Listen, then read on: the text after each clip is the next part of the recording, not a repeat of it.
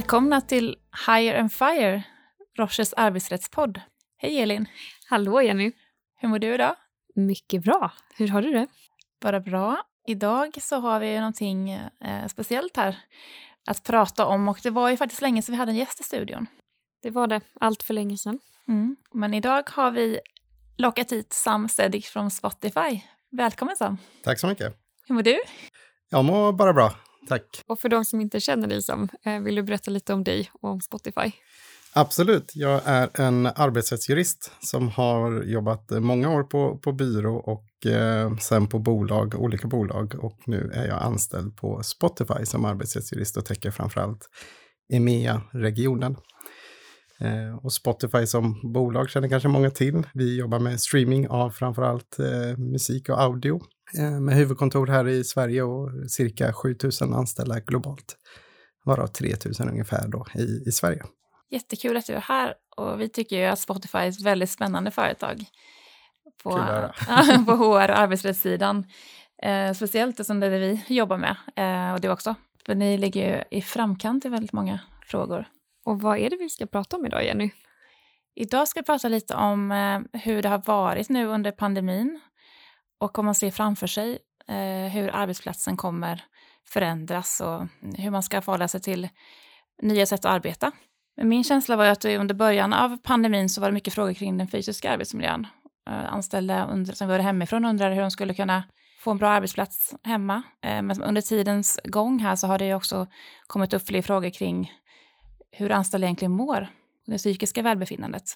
Både under tiden man jobbat hemma men också kanske nu då inför att det blir en förändring igen och alla ska tillbaka till arbetsplatsen eller om de nu ska det.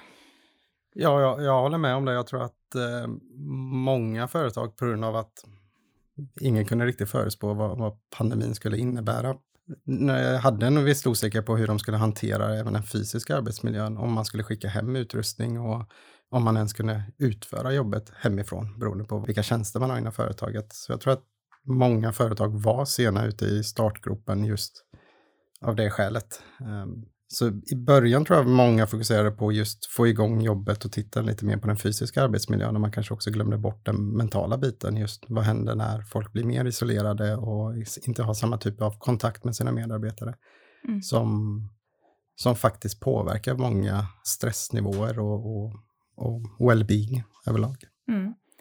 Men det var väl också det att i början trodde man att det skulle vara en, en ganska kort period som vi behövde jobba hemifrån.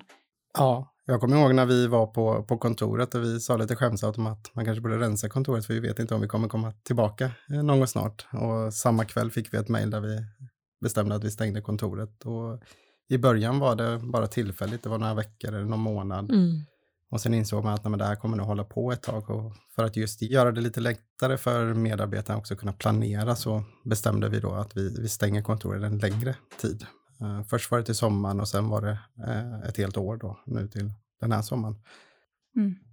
Ja, ni var ju tidiga där och modiga gå ut med klara direktiv. Ja, för vi, vi upplevde också att det behövdes internt att, uh, för att medarbetarna skulle få en bättre säkerhet kring hur deras arbetssituation kommer se ut den närmaste tiden och, och planera.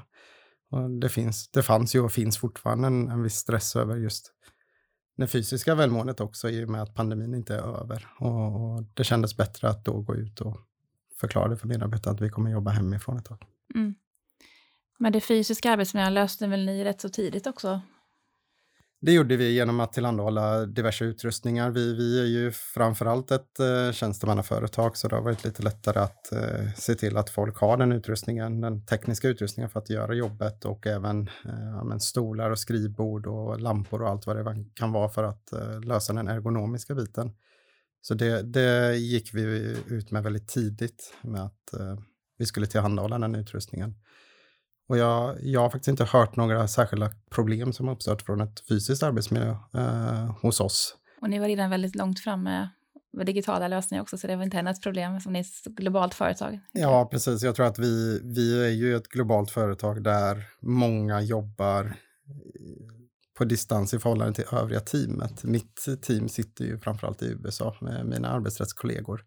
Eh, och vi är ju vana vid videomöten och att eh, lösa saker via chatt och så vidare. Så de, de tekniska lösningarna tror jag i mångt och mycket fanns hos oss. Sen har de behövt finslipas och förbättras nu när alla jobbar hemifrån. Ehm, men på det sättet har vi haft det lättare än väldigt många andra företag kanske har haft. Mm. Och, och det du säger Sam, tänker jag mycket går väldigt fint ihop med den här svenska lösningen av arbetsmiljöreglering där mycket lämnas över till arbetsgivaren att själv bedöma vad som behövs för att skapa en god arbetsmiljö snarare än detaljregler.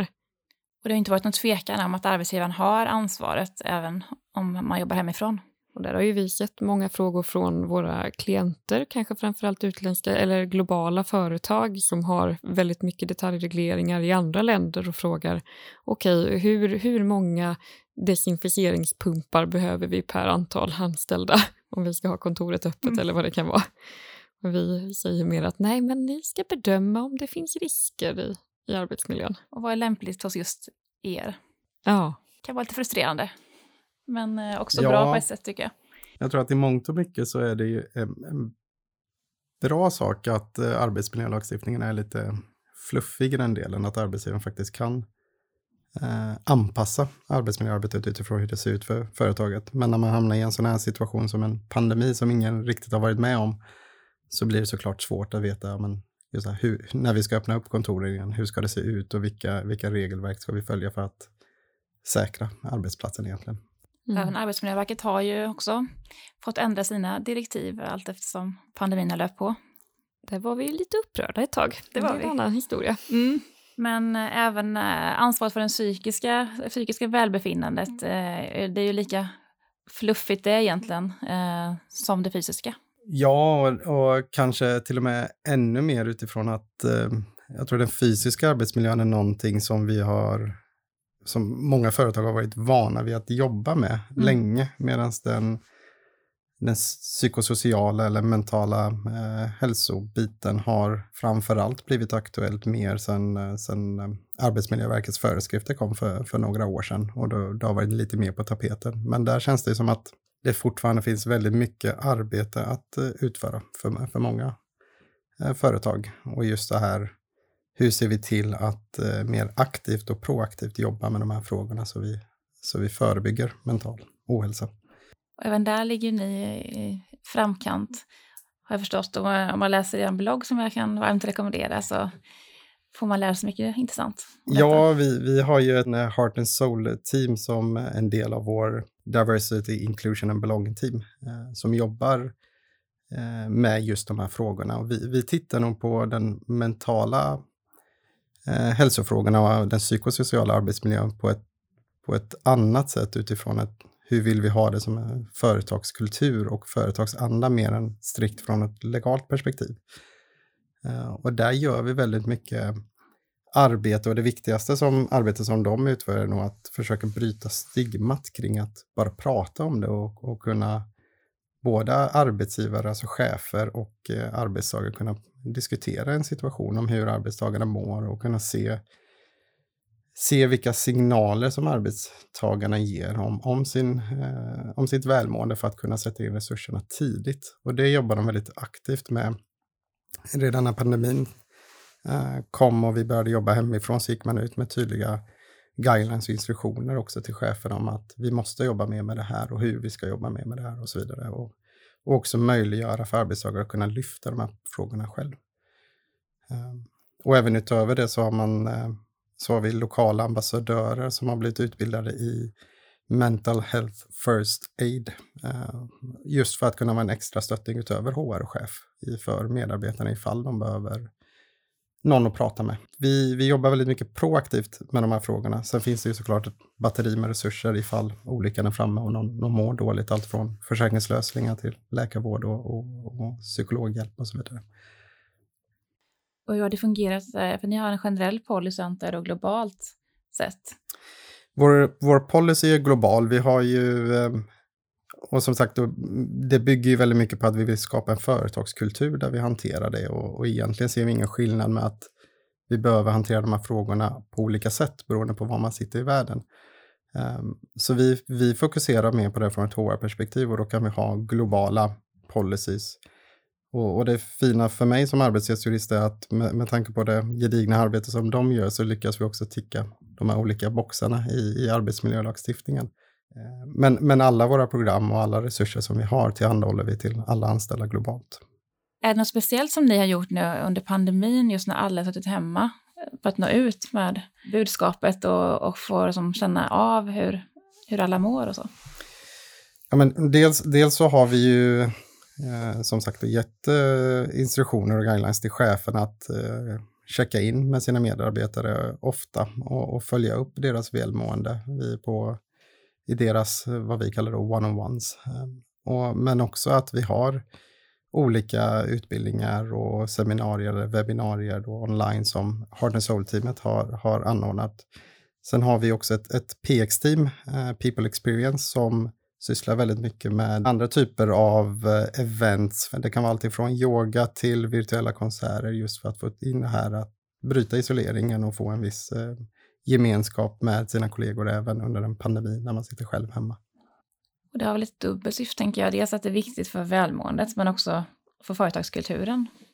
Absolut. Jag tror att en av, en av de viktigaste frågorna under pandemin har varit att just hur behåller vi vår företagskultur och företagsanda? Hur, hur känner man en behörighet med Spotify när man inte är på kontoret och träffar sina kollegor regelbundet? Så det, det är en väldigt viktig del av det här arbetet.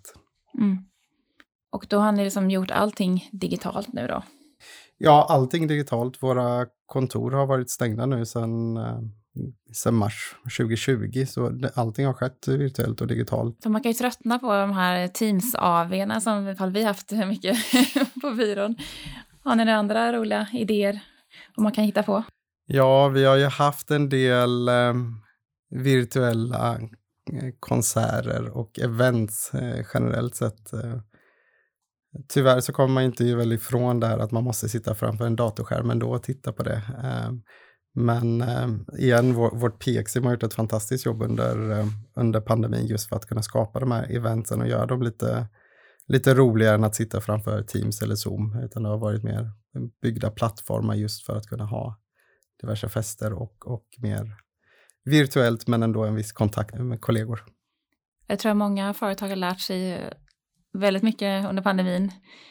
Att uh, hitta nya sätt så man kan umgås på digitalt utan att det känns krystat.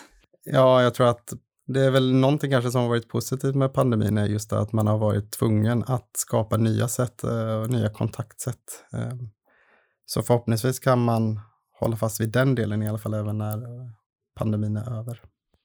Ja, för ni är också kända för att ni har ett väldigt fint kontor här i Stockholm. Eh, mycket roliga saker man kan göra på kontoret. Det är sant. Det är så tomt nu tyvärr. det är sant och det saknar vi. Mm. Um, nej, men det, vi, vi, en av våra kärnvärden är ju playfulness och vi, vi försöker varva det här med, med arbete och ha kul på jobbet genom att uh, ja, men, kunna ha ett uh, karaokerum och kunna ha ett spelrum och så vidare. Och även stora sociala ute som vi kan umgås på. Man tittar på regleringen igen här då, vad gäller den mentala hälsan, så finns det inte så mycket att gå på egentligen. Vi har de här föreskrifterna som kom för några år sedan som du nämnde Sam, eh, där man mer fokuserar på hur arbetet ska fördelas och att det ska vara en rimlig arbetsbörda och att man ska ha kontakt, kontakt med sina medarbetare som chef, liksom, hur man är en bra chef egentligen ska jag säga. Eh, men det här större perspektivet som, som ni har tagit, det är verkligen ingen, ingen legal skyldighet utan det handlar mer om att att titta på företagskulturen, att man vet att alla ska må bra och trivas på arbetsplatsen, employer branding, perspektiv. Ja, men precis. Vi tittar ju på det egentligen eh, enkom från, en, eh, från ett företagskultur och företagsandeperspektiv. Vad är, det för, vad är det för företag vi vill ha? Vad är det för chefer vi vill ha? Och hur vill vi att våra medarbetare ska må på jobbet? Vi sätter in väldigt mycket resurser kring utbildning av chefer och olika typer av program som även medarbetare eh, kan, kan delta i just för att skapa en företagsanda där alla känner sig inkluderade och kan, eh, kan prata om allting från mental ohälsa till vad som tynger en på jobbet. Och vi jobbar ju väldigt mycket med mental well-being just för att eh, främja en god hälsa och, och jobba mer med de frågorna proaktivt än att bara förebygga ohälsa lagens krav eller föreskrifterna som, som Arbetsmiljöverket utfärdar är inte det primära för oss, utan vi vill ju att våra medarbetare ska, ska må bra. Och genom att vi kämpar hårt med de frågorna så lyckas vi också eh, se till att uppfylla lagkraven. Det låter ju toppen. Och nu har vi ju både blickat bakåt och funderat över det som har varit och hur vi har arbetat, men, men med blicken fäst framåt. Vad är nästa steg för er? Ja, men vi hoppas som alla andra, antar jag, att pandemin snart är över och att vi kan eh, titta på hemarbete och den flexibiliteten som hemarbete faktiskt kan erbjuda från en mer positiv synvinkel än att vi alla är tvingade in i det på grund av pandemin. Um, vi har ju annonserat vår Working from Anywhere program uh, som har varit väldigt populärt bland, eh, bland våra medarbetare. Det är många som har valt att antingen att helt jobba hemifrån eller som, som troligtvis kommer jag ha mer flexibel eh, arbetssätt att jobba några dagar från kontoret och några dagar hemifrån och känna att det funkar för dem. Um, och det, det är ett väldigt viktigt steg tror jag för att erbjuda mer flexibilitet för medarbetarna som i sin tur då kan främja just det här mentala hälsan, att man känner att det blir lättare att lämna och hämta på, på förskolor, Ehm, man, man slipper pendlingen på kanske en, två timmar till jobbet varje dag så man kan istället träna på, på lunchen och ändå hinna med middagen hemma på kvällen. Ehm, och det är just de här signalerna som vi har fått från medarbetarna som, eh, som tycker att det har varit ett väldigt, väldigt positivt program ehm, som vi nu har eh, annonserat. Och pandemin har ju också varit med sig något positivt. I viss mån har ju stressen kanske också avtagit eh, för att man har fått ihop sin vardag lite bättre, för man har inte behövt pendla och vara på kontoret. Verkligen. Jag tror att eh, det finns nog många slutsatser man kan dra från pandemin, men jag tror att många har sett just det här att jag måste kanske inte vara på kontoret för att kunna göra mitt jobb. Jag kan göra det hemma. Jag tror att kanske den stora utmaningen för, från ett organisatoriskt perspektiv är just de här frågorna om företagskultur, samhörighet, hur, hur bryter vi isoleringen och hur känner man ändå att man jobbar för ett företag och inte bara sitter hemma framför en skärm. Ehm, men det finns en väldigt stor möjlighet i just den här flexibiliteten som en distribuerad arbetsplats kan erbjuda. Som jag tror att många, eller fler företag i alla fall, kommer titta närmare på. Inte bara vi. Tycker det verkar ha fått ringar på vattnet också, att många andra globala företag på något sätt reagerade i samband med er eh, Working from anywhere policy och liksom titta själva på vad de kan göra.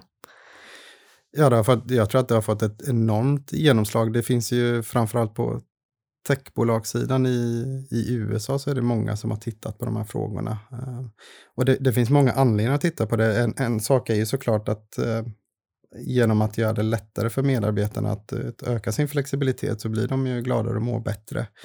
Eh, man kanske kan behålla medarbetare i större utsträckning, utsträckning eftersom just eh, det är lättare för dem att få ihop eh, vardagspusslet och tycka att det, det passar dem bra. Sen ger det ju också en enorm möjlighet, beroende på vad man är för företag, att faktiskt utöka sin rekryteringsbas. Och jobba mycket mer med mångfalds och inkluderingsfrågor som är en viktig hörnsten i det här också. Ja, precis, för ni har ju gått ett steg längre och det är inte bara att man kan jobba hemifrån, utan man kan också jobba varifrån man vill i världen, om jag förstått policyn rätt. Precis, man kan flytta till eh, ett annat land där vi har kontor ehm, och, och, jobba från det landet, vare sig man vill jobba på kontoret eller hemma. Då. Men eh, ehm, det, det utökar ju ännu mer flexibiliteten och vi har ju väldigt många personer som eh, har flyttat till till exempel till Sverige från andra länder för att jobba hos oss som nu känner att det här passar mig jättebra för nu kan jag flytta hem till där jag har min familj och vänner och, och fortsätta jobba på Spotify som, som jag vill jobba för. Dem. Um, och just det här är ju en del av, uh, av att kunna göra medarbetare glada. Deras uh, hälsa kommer ju troligtvis bli bättre av att de är nära sin familj och vänner och, och då kommer de också vilja jobba kvar på Spotify. Ja, det låter fantastiskt tycker jag. Men jag tänker som arbetsrättare så ser man också riskerna med det här? ja, nej, men från ett arbetsrättsligt perspektiv så finns det ju vissa utmaningar att titta på eh, såklart. Eh, förutom just det här arbetsmiljölagstiftningen så tror jag utifrån ett svenskt perspektiv att man får titta närmare på alltifrån ja, men hur hanterar vi omplaceringsskyldigheten i en, i en mer eh, global kontext där många av tjänsterna kommer vara internationella. Hur tittar vi på turordningsreglerna och den särskilda bestämmelse som finns om hemmakontorsarbete? Mm. Men också eh, andra skyldigheter kring hur, hur hanterar vi samarbetssvårigheter inom teamet? Hur hanterar vi prestationssvårigheter också i ljuset av de redan väldigt höga krav som återställs i praxis då på, på arbetsgivaren. Ehm, de, de utmaningarna kvarstår ju och de kommer man behöva titta på i ett annat ljus tror jag. Mm. Men de positiva effekterna tror vi ändå kommer, eh, kommer vara mycket större än eventuella utmaningarna. Mm. Och, och, i den mån som den här då nya, mer kanske hybridlösningen eller helt och hållet distansarbete utmanar lagstiftningen så kanske då lagstiftningen blir pushad snarare än att vi befinner oss kvar i den modell som funkar utifrån den ganska gamla lagstiftningen vid det här laget. Den är 50 år på nacken nu. Ja, lagstiftningen är ju väldigt bunden till den legala enheten och den geografiska platsen så att här behövs ju någonting hända tror jag framöver. Ja, jag tror att i en, i en mer internationell kontext där företagen växer och inte bara är fokuserade på ett land så kommer vi behöva se förändringar. Eh, antingen via lagstiftaren eller att eh, arbetsmarknadens parter får komma överens om någonting som kan sätta standarden. För som det är nu är det ganska svårt att gå in alla situationer i de lagar och regler vi har, tycker jag, så som företaget jobbar.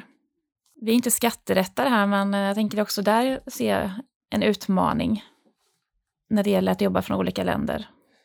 Ja, och det finns ju... Vi har jobbat med de här frågorna, eller vi jobbar med de här frågorna i närmare ett år innan vi utfärdade vår policy och, och skattefrågorna är definitivt en fråga som vi tittade på, både från en, en personbeskattning, alltså från medarbetarnas perspektiv, men också utifrån ett eh, bolag, alltså skatteperspektiv. Um, och också just att kunna hantera eh, löneutbetalningar korrekt och sociala avgifter och allt vad det är. Och, och sätta upp även olika typer av uh, skyddsnät för våra medarbetare som flyttar på sig. För både eh, skatt och socialförsäkring är ju också väldigt geografiskt anknutet än så länge. Precis, och det var ju bland annat de frågorna som vi tittade väldigt mycket på kring just hur löser vi att folk vill flytta till andra länder eller inom USA och andra stater där vi idag inte har eh, payroll. Men, men det, det, är ett gediget arbete som är av en ganska stor projektgrupp i, i, närmare ett år. Men skattefrågor såväl som eh, mobilityfrågor, eh, arbetsrättsliga frågor såklart, eh, men också bolagsrättsliga frågor är definitivt någonting som man behöver titta närmare på innan man innan man ger sig in på, på en sån här policy som vi har gjort. Eh, sen är det ju som så att eh, företagen behöver nog kolla väldigt mycket på hur ser vår organisation ut? Hur, hur ser vår medarbetarskara ut och anpassa en, en eventuell policy utifrån det. Jag tror inte det finns en one size fits all, utan det, man får lite, man får anpassa och, och förändra eh, utifrån vad som funkar för, för företaget i stunden. Tror jag. Ja, otroligt spännande att få lite inblick i eh, hur tankarna gått hos er på Spotify. Och eh, väldigt viktigt tror jag också eh, för att inspirera andra här som står inför de här eh, valen framöver och vill förändra hur man arbetar. Har du några bra tips till dem? Men jag, jag, tror att man måste titta till den, det ena företaget och organisationen och försöka anpassa en eventuell sådan lösning till hur det ser ut för, för det ena företaget och, och vad, titta också på vad medarbetarna vill Eh, och erbjuda det här som en flexibilitet mer än som någon påtvingad lösning från, ett, eh, från företagets sida. För jag tror att det är just det här med flexibiliteten som vi erbjuder som har gjort att det här har tagits emot så pass bra. För nu, nu kan vi välja om vi vill vara på kontoret varje dag eller jobba hemifrån eller någonting där mittemellan. Just för att anpassa det och göra det lättare för, för medarbetarna.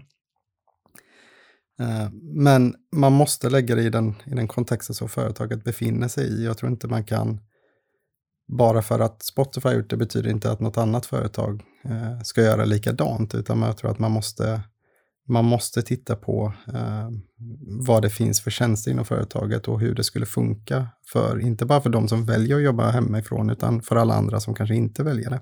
Ja, men det stämmer säkert man måste titta på sitt egna bolag eh, och som passar.